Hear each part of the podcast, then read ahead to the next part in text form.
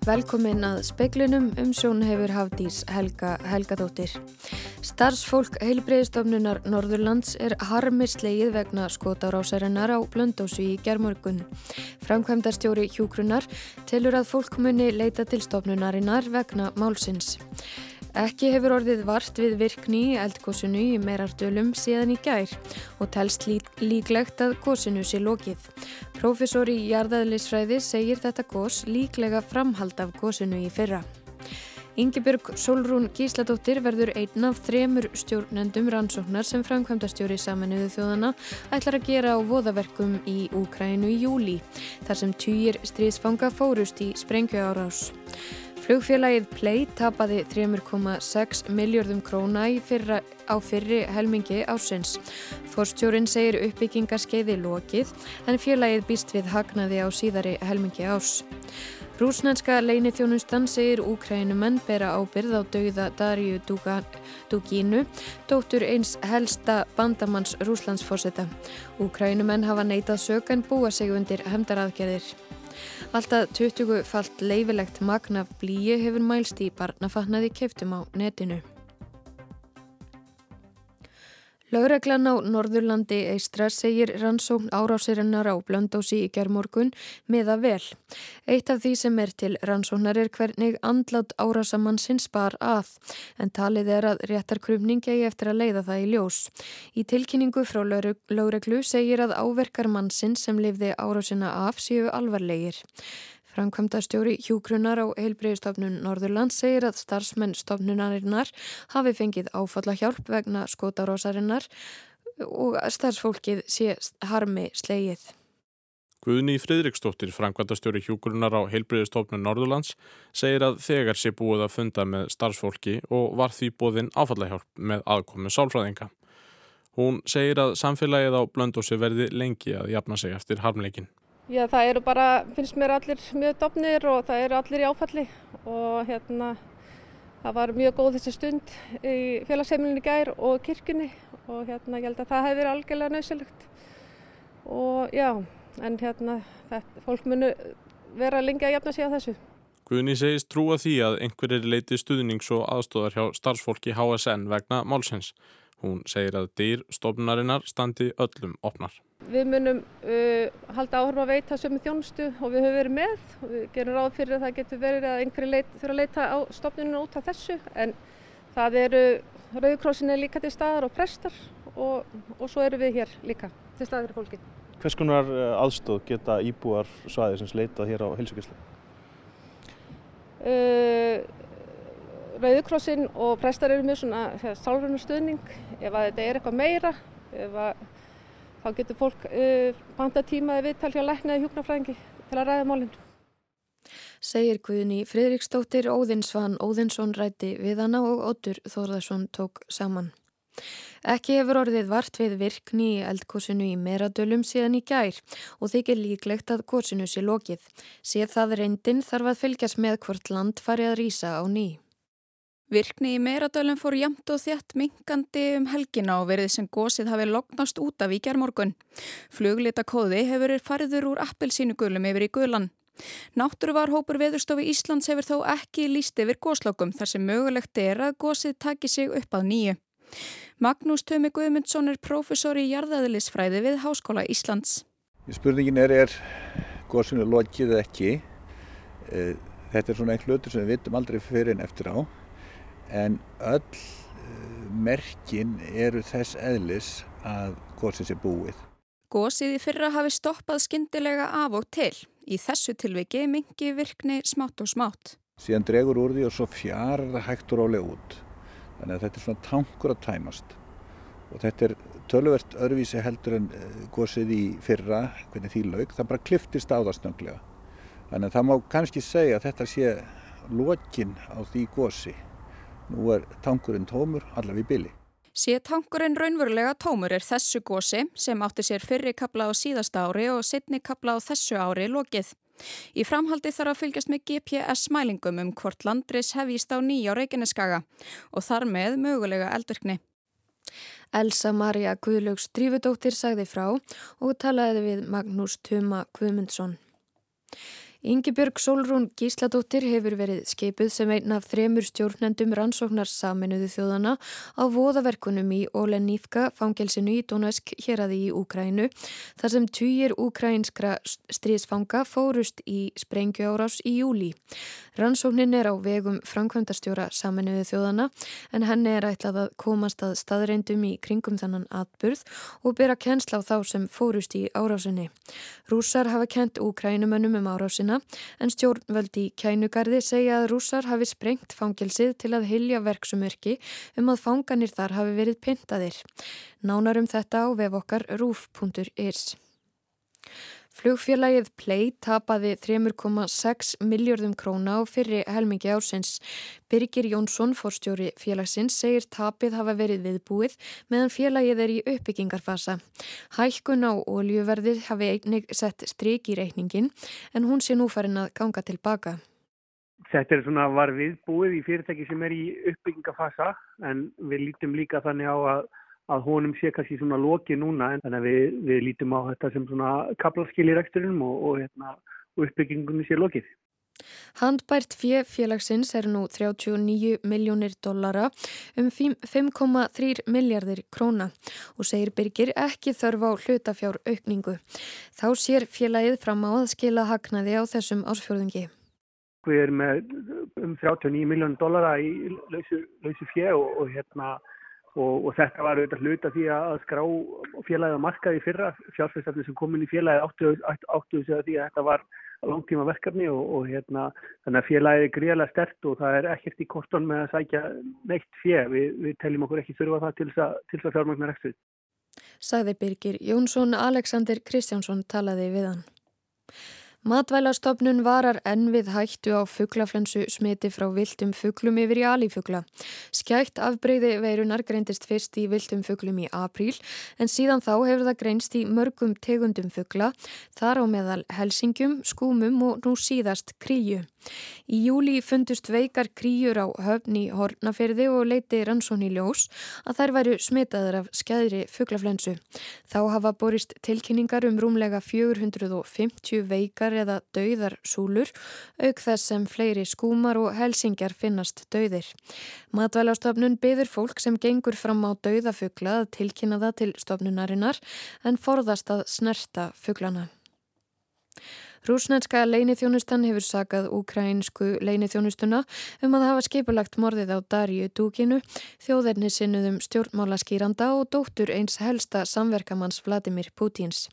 Morðið hefur vakið hörð við bröðrúsnænskra ráðamanna og margir óttast miklar hemdaraðgerðir gegn ukrainumönnum sem neyta allri sög í málinu. Darja Dugina lést þegar að sprengja sprakk í bíl sem hún óg skamt utvann við Moskvu í fyrradag. Talið er að fadir hennar, Alexander Dugin, hafi verið skotmarkið. Hann hefur lengi verið álitinn einn helsti samstarfsmaður og hugmyndafræðingur Vladimir Putins, rúslandsforsetta. Darja var eins og fadir hennar einarður stuðningsmaður innrása rúsa í Ukrænu. Hún var vinsæl bladakona og stjórnmóla skýrandi meðal öfga hægri manna í Rúslandi. Í tilkynningu frá rúsnesku leinithjónustunni í dag segir að morðið hafi verið skipulagt og framið af liðsmanni úkrænsku leinithjónustunar. Hún fullirti jafnframt að Súseka væri úkrænsk kona Natalia Vovk fætt árið 1979. Leinithjónustan hefur byrt myndefni af Vovk fara yfir landamærin til Rúslands en greindu svo frá því að hún væri flúin til Íslands. Stjórnmálaskýrendur hafa sagt að ef rétt reynist sé málið þið vandræðalegasta fyrir leinithjónustuna í Rúslandi þar sem henni hefði ekki tekist að komi veg fyrir morð á rúsneskri grundu og svo seka hafi komist leiðar sinnar óáreitt. Fullirðingar rúsnesku leinithjónustunar hafa þó ekki fengið staðfestar og ukrainsk yfirvöld þvertaka fyrir aðelda morðinu. Þau búa sig samt sem áður undir hendaraðgerðir rúsa. Fjöldasamkomum sem áttu að fara fram á þjóðháttíðardegi Úkrænumanna á miðvíkudag hefur verið aflýst. Ólöf Rún Erlendstóttir tók saman. Kartöflubændur á Norðurlandi segja uppskeru brest blasa við vegna kulda og bleitutíðar. Þrísvar hefur frosið í haust og grösinsum staðar eru alveg fallin. Jón Helgi Helgason, tæknifræðingur og kartöflubóndi á Þórustöðum í Eyjafyrði, ræktar kartöflur á alltaf 40 hektara svæði. Hann segir að vorið og sumarið hafi verið erfitt á Norðurlandi, kallt og blöytt. Og við vorum að setja niður já, frekar seint á þessu ári, bara bæðið út af bleitu og kulda. Síðan framann að sumri þá var bara mjög kallt og, og kuldin hafði sitt að segja með vöxtin og í dag þá er staðan bara þannig að karturinn eru frekar smáar og, og lítið undir svona í flestum flestum gorðum hjá okkur. Jón segir að næturfrostið hafi reynst mörgum bændum erfitt en ef veðrið næstu vikur verði sæmilegt þá getur uppskeran orðið ágætu um miðjan september. Ja, það er alveg ljóst að þetta verður, verður einhver brestu fyrir okkur sko með það sem við áhættuðum en, hérna, en hvort að þetta verði það slæmt að, að, að maður hafi ekki fyrir kostnæði það er ekki, ekki útsið fyrir, fyrir en við erum búin að ná allir í hús. En gæti þetta hækka verða á kartablum að því nú hefur líka frosið hérna fyrir sunnan eins og í þykkabæi og víðar? Já, verð eru, eru fremur lág eins og, eins og yfirleitt en og, og hérna, við vonumst bara til þess að, að allir hugsi til þess að það, það kostar eitthvað að, að framlega þetta og, og þegar við fáum miklu minni urskir á hverju landi sem maður hugsaði sér þá lítur kostnaðar að vera meiri hver kíló í staðan fyrir venletta árskó. Segir Jón Helgi Helgason, hólfrýður dagni Freyjónsdóttir talaði við hann. Norðmenn hafa ekki farið varhluta voðaverkum þar sem andlega veikt fólk hefur gripið til manndrápa. Yfirvöld eru gaggrínt fyrir úrræðaleysi og sjúklinganir fá takmarkaða hjálp. Gæðlæknar segja úrræði til að draga úr hættunni vera til en þau séu mjög dýr. Gísli Kristjánsson, fréttaritari í Oslo, rekur hér hvernig umræð, umræðan um geðsjúdóma og ofbeldi gengur í Noregi. Dæmin eru mörg og sorgleg. Nú síðast í smábænum 8 vestanvert í Guðbrandsdalnum, gömul hjón myrti íbúðsynni, nágranni þeirra handtekinn. Hann hefur um ára bil flust inn og út af sjúkrastofnunum vegna andlegra erfiðleika. En var nú úti og bjó einn. Engin veit hvers vegna hann fann sig knúin til að myrða hjónin. Snemma í sumar voru tveir menn myrtir í skotárás á vinsælan skemmtistað Pétur á Horninu í miðborg Óslóar og 20 særðust. Einni þar átti árásarmadurinn langa sjúkrasögu að baki. Hann vísaði hatur og samkynneigðu fólki sem sótti skemmtistadinn. Morðingin sætir nú öryggiskeslu og er undir eftirliti geðlækna. Í fyrra haust er hann æði á Espen Andersen broten á Kongsbergi. Hann myrti fimm manns, tilviljun reði hverju ördu fyrir barðunu á honum. Hann beitti nýfi og boga á örfum, þó nokkri særðust að auki. Hann hafði um 15 ára skeið verið til meðferðar hjá gæðilegnum en var orðin ósáttur við allt og alla. Lokaði sig af og hætti að taka líf. Hann hefur síðar sagt, það er eftir að hann fekk hjálp, að hann hafi sannfæst um hann gæti orði heilbreyður bara ef hann dræpi ykkur. Hann var dæmdur til að sæta öryggiskeslu og meðferð.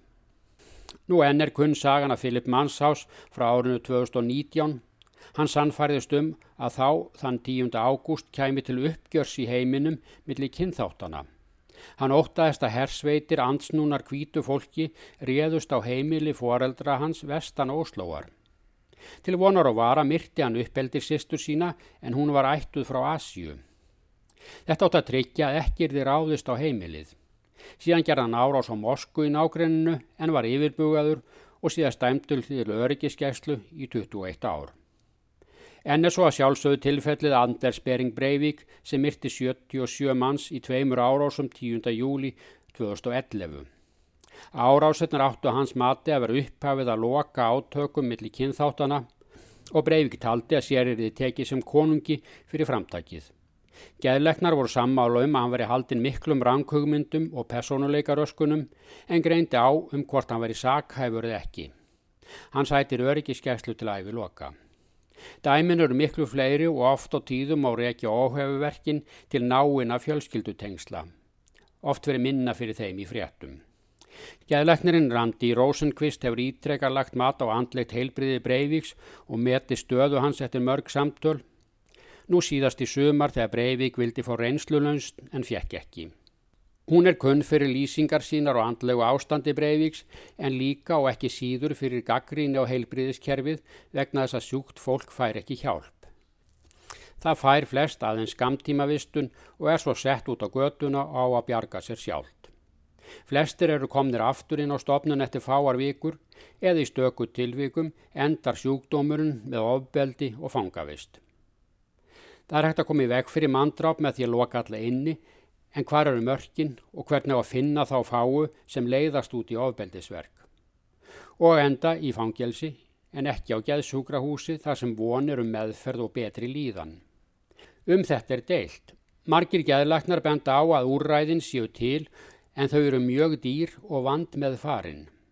Hefðbundin geðsúkrahús eru nær horfin og það er dýrt að hafa fólk í langtímavistun á súkrahúsi. Ódýrar að hafa gangudeldir þannig að sjúklingarnir fara annarkort út eða inn af deldunum eða enda í fangelsi. Á hinn bóin er svo spurningin hvernig að finna þá sem hugsanlega eru hættulegir. Það er ekki hægt að loka alla inni til vonar og vara. Um þetta er stöðugt deilt hér til lands. Engin veit hver gæti hugsanlega gripi til ofbeldisverka. Andlegt ástand getur breyst skindilega. Livin virka ef þau eru tekin og meðferðin skilar árangri ef hún er sótt. En engin veit hvenar þessi úræði bregðast. Nýðustan hér til lands er því svo að heilbriðis yfirvöld hafa engin önnur ráð en að vona hefð besta og vonað ekkert bregðist og þó gerist það með reglulegu millibili með tilherrandi voðaverkum. Gísli Kristjánsson tók saman.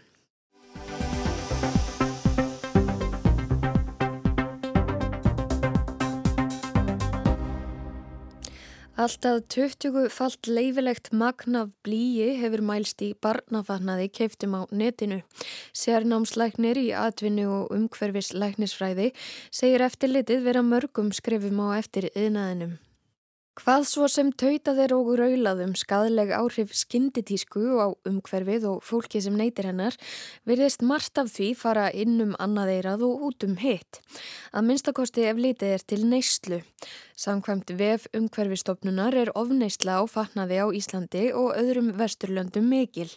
Á vefnum segir að hver Íslandingur kaupir umlega 17 kíló af vefnarvöru árlega sem er um þrísvarsinu meira en meðal jarðarbúi. Mikið af þessu er endingarlítill fatnaður. Flíkunar kosta lítið, það er auðvelt og bara nokkuð gaman að panta þar á netinu en kostnaðurinn er falinn. Una Emilstóttir er sérnámslæknir í atvinnu og umhverfis læknisfræði. Það er svoleiðis að mestur textil er framleittur utan Evrópu og það eru ansi mörg skref í framleyslunni og þetta er búið að fara fram svolítið svona óreglubundi að hálfstjórnlaust eila þegar það kemur að efnanokun og, og það er ímislegt mjög komið í ljós. Una segir óteljandi skadlega efni finnast í fataðinaði og þau efni rati heim til neytenda með kaupunum. Þar megi til dæmis nefna lífræn flúorefnasambönd eða PFAS efni sem algengt er að notuð séu til að gera fatnað vassfráhrindandi. Þetta eru efni sem eru þráverk því miður sapnast upp í í fæðukenninni og, og hafa sum hver hormonatröflandi áhrif og mögulega krabbaminsvaldandi. Svo eru það brúm, eru þau eldvarnarefnum til dæmis. Þau hafa verið svona eitt og eitt tekið út af markaði um, og bönnuð fyrstum sinn, menn áttu þess að því að brómur og eldvarnarefni getur verið í barnan náttfutum og sum þeirra getur valdið skada á DNA eða erðaefnin okkar og þá var það nú eh, ástæði til að taka það úr batnafatnaði og, og svo síðan þá hefur svona eitt og eitt verið tekið út. Svo er þetta hérna, jafnvel, sko, fær notkunnin að vera áfram kannski í öðrum vörum sem að, sem að jafnvel börn nota líka. Þannig að það, við erum að, það er einhver árangur en, en það er langt í land þegar við erum að hérna, passa, passa að, almenningu verð ekki útsettur fyrir efnum. Og svo er það náttúrulega lítarefni sem að Sum hver hafa verið tengdu krabbamsvaldandi áhrif, þau hafa verið e, notið í fataðinaði og þau eru verið hver bönnuð í til dæmis svansmöktum textil af því að lögin ná kannski ekki yfir þau ennþá en, en svansmerkingin nær e, yfir, yfir þessi efni. Þá nefnir una þalött sem nótuð eru til að gefa plastlutum mýkt. Vitað er að þau geti haft skadalega áhrif á frjósemi og ímis hormonaraskandi áhrif. Öll þessi efni eru þrávirk og sapnast upp í líkumum fólks. Una segir eftirlit með þessum málum erfitt í framkvæmt. Og það er erfitt fyrir okkur hér að vita hvað er verið að nota í þessum helstu stæstu framlegslu löndum. Það er almennt þannig í bara efna yðnari að gríðarlega mikið af efnum koma ný inn á markað bara daglega, mánaglega og á hverju ári. Minn skilst að sé svo, svo hundruðum jáfnvel þúsundu skiptir að koma inn á markað og þegar að sönnunabyrðin þarf að vera svo mikil til að efni sér færlegt og tekið af markaði að, að, að þá er reglu, þá eru reglugerðir sem að eru gerðar eðna, í sambandi við allan Eh, alla efnanótkunn og yðna eftir á eh, af því að það þarf að fyrst að fá hugmyndina fyrst þarf efnið að vera búið að vera í nótkunn lengi þarf til að grunnsendir vakna og svo þarf að fara að kanna máli betur og svo þarf að sanna það að eh, efnið sé skadalegt og þá byrja maður að rannsaka oft með dýraransóknum og annað þannig að þetta tekur rosalega langan tíma miða við þann tíma sem það tekur að Eh, þróa nýtt efni og framlega nýtt efni, nýtt litarefni eða nýtt eldurarefni eða hvaða sem getur verið, eitthvað efni til að breyta áferð á e, textíl eða, eða hvaða nú getur verið. Efna eðnaður er einhvern veginn alltaf tíu skrifum á undan og það er svo sem í efna eðnaði sem er mörg margt annað, líka í matvæla eðnaði og, og öðrum eðnaði að, að því miður þurfum við ofta að brenna okkur áður en við áttum okkur á því að eitthvað sé skadalegt og þá er oft Uh, skaðin skýður fyrir ansið marga. Nýlega komst í hámæli kanadísk rannsókn sem gerð var á fatnaði frá stæstu netverslunum sem bjóða skinditísku. Mikið magn skaðlegra efna fannst í fatnaðinum. Má þar nefna barnajakka frá skinditísku risanum Shine sem ímældist 20 fallt leifilegt magn af blíi. Þegar kemur að svona málum eins og til dæmis blíi að að þá erum við með útsetningu sem er ímist sko bráð útsetning og þá í miklu mæli sem er sjálfgeft, það er ekki algengt að fólk fái blíitrun til dæmis. En svo erum við líka með annars konar útsetningu sem er lítil útsetning en í lengri tíma. Og þá erum við að tala um að, að, að, hérna, blí sem er, sem er í rauninni frumefni og er, og er mjúkur málmur það, það efnabreitist ekki, það, það bara sapnast fyrir og getur haft skadalega áhrif á einmislífari en það sem er vest er að það getur haft skadalega áhrif á taugakerfið og aldrei taugakvillum og, og, hérna, og raska taugaþroska hjá ungum börnum. Og það er eitthvað sem að maður tekur alvarlega. Þróskaferli heilans í fóstrum og ungum börnum segir una vera sérstaklega viðkvæmt fyrir áhrifum blís. Fólk eigi alltaf að þvó nýfött áður en það klæðist þeim, sérstaklega barnafött. Hún segir bestu leiðina til að minka áhættu á því að fá þessi efni með í kaupunum, vera að sleppa því að kaupa óþarfa og vanda valið þegar að kaupa þarf flíkur. Við erum ekkert komin eitt sérstaklega látt og sem betur fyrr er meiri og meiri vitundarvakning og meiri áhugi og það eru eh, svona hérna, merkingar eins og asma, allergímerkið og svansmerkið sem eru að reyna að sjá til þess að þessi vestu þekktu efni séu tekin út og þau eru reynilega bönnuð. Til að fá vottun frá svansmerkinu það eru mörg efni bönnuð. En með þetta eins og allt annað þá er svo mikið svo erfitt að halda utanum uh, þetta allt saman og sérstaklega að vera, uh, ef ég má sletta, up to date með það sem er í nótkunn og hvað er að leynist á nóti sem er þá í rauninni sem við vitum ekki að sé verið að nota því að það er reynilega ný efni eða ný litarefni eða eitthvað slíð. Það er ótrúlega erfitt að fullir það að, að, hérna, að reglugerðir í kringum þetta allt saman séu tipp-topp og, og skotheldar merkingar sem maður getur treyst 100% en það er samt, samt að besta sem við getum gert. Þetta var Una Emilstóttir.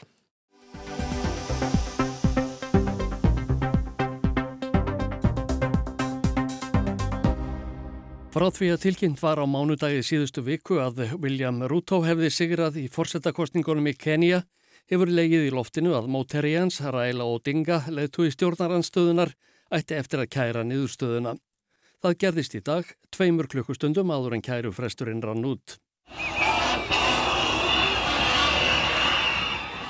Mikill fagnur braust út í höfuðborginni Nairobi og víðar í Kenya þegar yfirkjörstjórninu tilkynnti að William Ruto var í rétt kjörinn fórseti.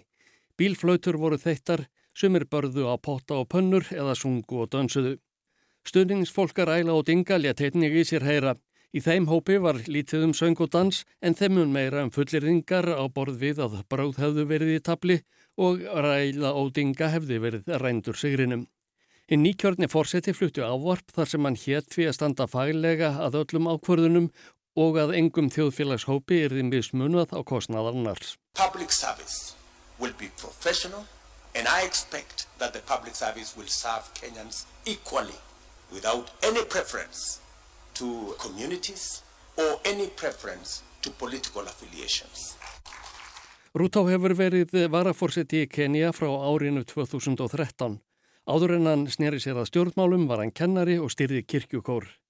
Það vakti aðtikli að í kostningabaróttunni lísti Uhuru Kenyatta fráfarandi fórseti ekki yfir stuðningi við hann heldur stjórnarandstöðuleituan Ræla og Dinga. Kostningarnar þóttu takast vel í aðalatriðum þótt ekki tækist að opna alla kjörstaði tímanlega. Fjölmiðlar fengu upplýsingar nökralaust og teki var sem dæmi um framkvæmdina að ekki þurfti að loka fyrir nettsambandi í landinu og engin stjórnaranstæðingur var handtekinn. Greiðlega gekk að telja atkvæði lengi vel en þegar kom að við að tilkynna úrslitin var aðtöfninni senkað nokkrum sinnum. Að lokum var tilkynnt að William Ruto hefði sigrað með 50,49% um atkvæða og Dinga fekk 48,85%. Um það byrj 230.000 atkvæðum munaði á fylgið þeirra. Tver til við bótar voru í frambóði en þeir fengu innan við hálf prósent hvor. Yfirkjörstjórnin klopnaði raunar í afstöðu til niðurstöðunar. Fjórir kjörstjórnar menn neituð að fallast á hana en þrýr stuttana. Þeirra á meðal var formaðurinn Vafúla Chebukati. Hann eh, hafði sitt fram þrátt fyrir að vera í minni hluta. Þetta var í femta sinn sem Ræla og Dinga bauð sig fram til forsetta. Þrísvar hefur hann kært úrslitin, sakað mótherjana á stuðningsmenn þeirra um kostningasvik og að framkvæmt kostningana hafi verið ógegnsæ og ólýðræðisleg. Sama var upp á teiningnum í dag þegar Ódinga lagði fram kæru hjá hæstarétti í Nairobi. Hann sagði að kostningarnar hefði verið afskræming líðræðisins og að stjórnarskrá landsins hefði verið bligðunarlöst brotinn. Fjöldi stuðningsmanna Ódinga kom saman við hæstarétti í dag þegar kæran var formlega lögð fram. Hópurinn krafðist réttlætis og að kosið yrði að nýju. Morín, stuðningskorna ódinga, saðist vera orðin þreytt á að niðurstöðu kostningana væri sífælt stólið. Þau væri búin að fá nóg af ópum, ringulreið og táragasi og vildu sjá réttlætinu fullnægt. Tumetoka na wizi kila siku tunaibiwa tunaibiwa. Tumetoka na manduru na makelele na, na matiagas. Wakati tunataka haki yetu ndio tunataka. Sjö dómarar eru við hæstarétt í Nairobi og hafa tvær vikur til að komast að niðurstöðu um kostningarnar. Ógildið er úr slitinn þarf að kjósa það nýju innan tveggja mánada. Fyrir fimm árum fekk Ódinga sett fram þegar hann kærði kostningarnar. Þá þurfti að endur taka leikin en hann laut engu að síður í lagra haldi fyrir Uhuru Kenyatta. Á frettavöf Breskaríkis útvarpsins BBC segir að í kærunni sem lögð var fram í dag sé meðal annars haldið því fram að 140.000 atkvæði sem greitt voru í kostningunum hafi ekki verið talinn. Verði þau tekin með kunni William Ruto að hafa vantan okkur atkvæði upp á að tryggja sér segurinn í fyrir umferð. Ræla Ódinga er orðin 77 ára. Spaugað hefur verið með að hann sé með tapsárari mannum. En jáfnframt er á það benta með þrautsæju sinni hafa hann gert kostningakerfið í Kenja að einu hinnu besta í Afriku sem nágranna þjóðurinnar mæntu taka sér til fyrirmyndar. Þegar Ódinga fekk því framgengt fyrir fimm árum að láta kjósaða nýju, sögðu fleiri frettaskýrendur en einn og jafnvel fleiri en tveir að það væri síðasta tækifæri hans til að tryggja sér forsetta ennbættið. Hann hefur þó tekið slægin einu sinni enn og hver veit nefn hann verði frambóðið að fimm árum liðnum þá 82 ára. Ásgeir Tómasson sagði frá. Veður horfur á landinu til miðnættis annað kvöld. Á morgun verður norðaustan kaldi eða strekkingur og bjart með köplum en skíjað og fyrir að rigna síðdeisum landið austanvert. Víða fremur svalt í veðri en hlýtt sunnan til. Fleira er ekki í speiklinum í kvöld. Tæknimaður í útsendingu var Magnús Þorstein Magnússon. Verðið sæl.